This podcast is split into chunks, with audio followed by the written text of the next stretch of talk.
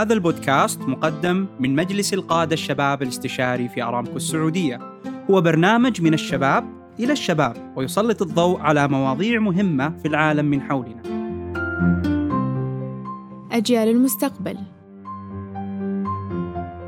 سنتحدث في هذه الحلقة عن أجيال المستقبل وبالتحديد سنتحدث عنهم في سياق بيئة العمل.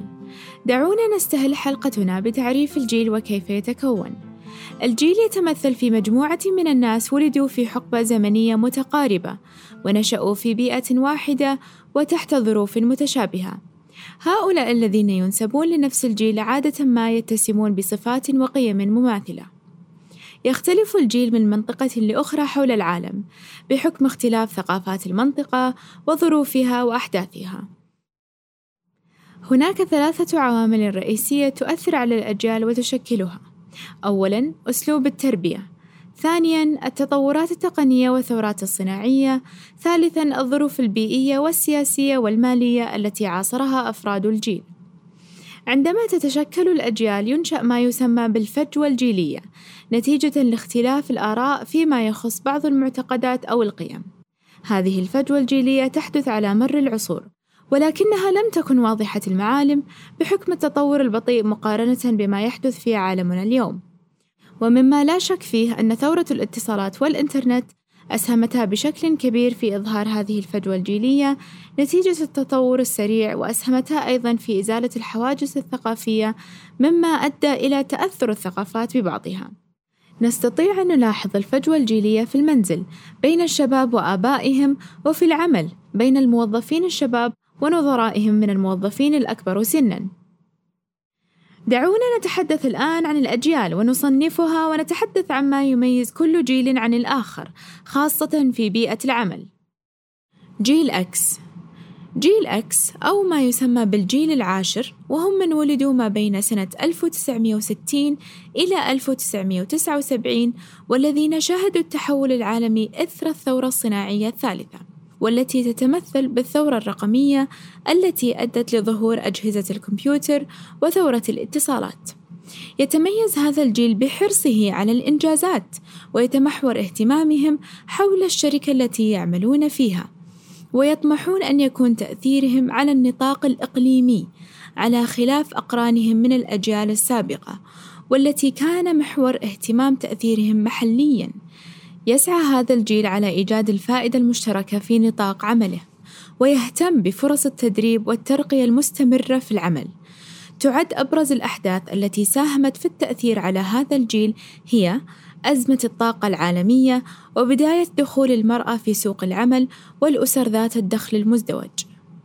جيل الألفية أما عن جيل الألفية وهو الجيل المولود تقريبا بين سنة 1980 إلى 1994 فأبرز قيمه هي المسؤولية والفردية. ويطمح أن يكون تأثيره على النطاق العالمي. يعد هذا الجيل هو الذي عاصر بداية انتشار استخدام شبكة الإنترنت وواكب التطور في الهواتف الذكية والحواسيب إلى ظهور الحاسوب اللوحي. ويعد أيضا الجيل الذي تعايش مع نشأة محرك جوجل للبحث. وظهور أول شبكات التواصل الاجتماعي وتغيرها على مدار السنوات ويتميز هذا الجيل بحرصه على مشاركة آرائه واهتمامه في الابتكار والتمكين والمرونة والبحث عن تحقيق الذات في بيئة العمل.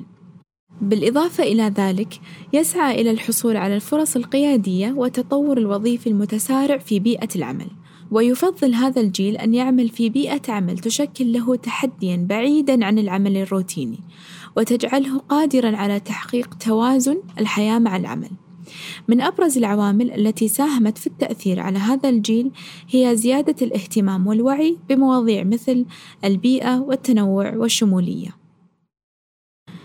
جيل زد جيل زد هم مواليد ما بين سنة 1995 إلى 2010 ولدوا في ذروة التطور التكنولوجي والتطور السريع لأبرز التقنيات مثل الهاتف الذكي والحاسوب اللوحي والساعات الرقمية وأجهزة تتبع اللياقة والتي تشكل جزءا كبيرا من حياتهم.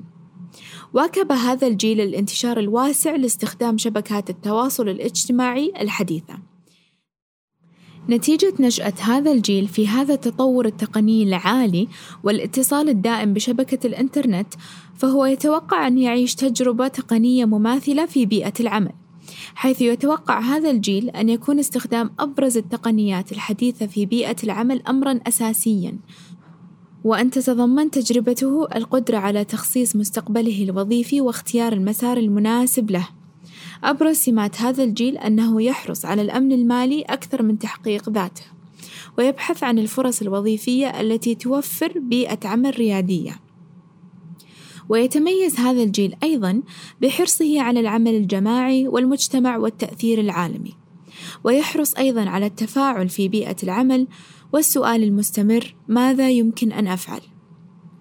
يعد هذا الجيل نفسه مواطنا عالميا حيث لا قيود للتواصل واللعب والعمل والتعاون مع مختلف أطياف العالم تعد أبرز الأحداث التي ساهمت في التأثير على هذا الجيل الأزمة الاقتصادية وازدياد الوعي بالتأثير المناخي بالإضافة إلى زيادة الوعي في مجال التطوع والمسؤولية المجتمعية للشركات والمساواة بين الجنسين.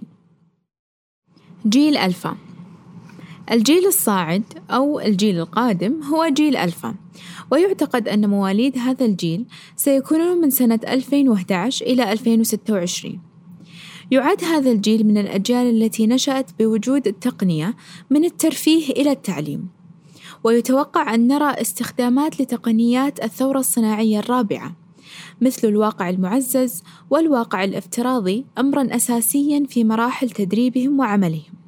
الجدير بالذكر أن إحدى العوامل التي تشكل وتؤثر في الأجيال هي التقنية، ومن أبرزها جهاز الآيباد الذي انطلق في سنة 2010 حيث أنه ساهم في زيادة استخدام التقنية لهذا الجيل من عمر مبكر. ومما لا يدعو للشك أن الأزمة العالمية لكورونا أو كوفيد 19 أثرت على كل الأجيال بلا استثناء ولكن بالأخص جيل ألفا. فجزء من هذا الجيل بدأ مسيرته التعليمية في عالم افتراضي. فكيف ستشكل هذه الظروف هذا الجيل؟ وهو يشهد أيضا الخطى المتسارعة حول الاهتمام العالمي بمنتجات وحلول صديقة للبيئة مما سيؤثر على قراراته الشخصية والعملية في المستقبل بلا شك. يا ترى ماذا يحمل المستقبل لهذا الجيل في ظل تزايد اهتمام العالم حول مفهوم اقتصاد جذب الانتباه؟ وهل ستتأثر سلوكيات هذا الجيل من ذلك؟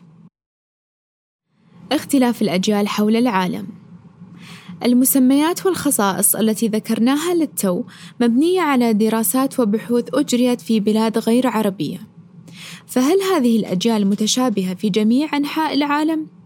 هل هناك صفات مشتركة ما بين الأجيال في مختلف بلدان العالم؟ ماذا عن جيل الألفية في الصين وأمريكا مثلاً؟ هل يتشابهون في الصفات؟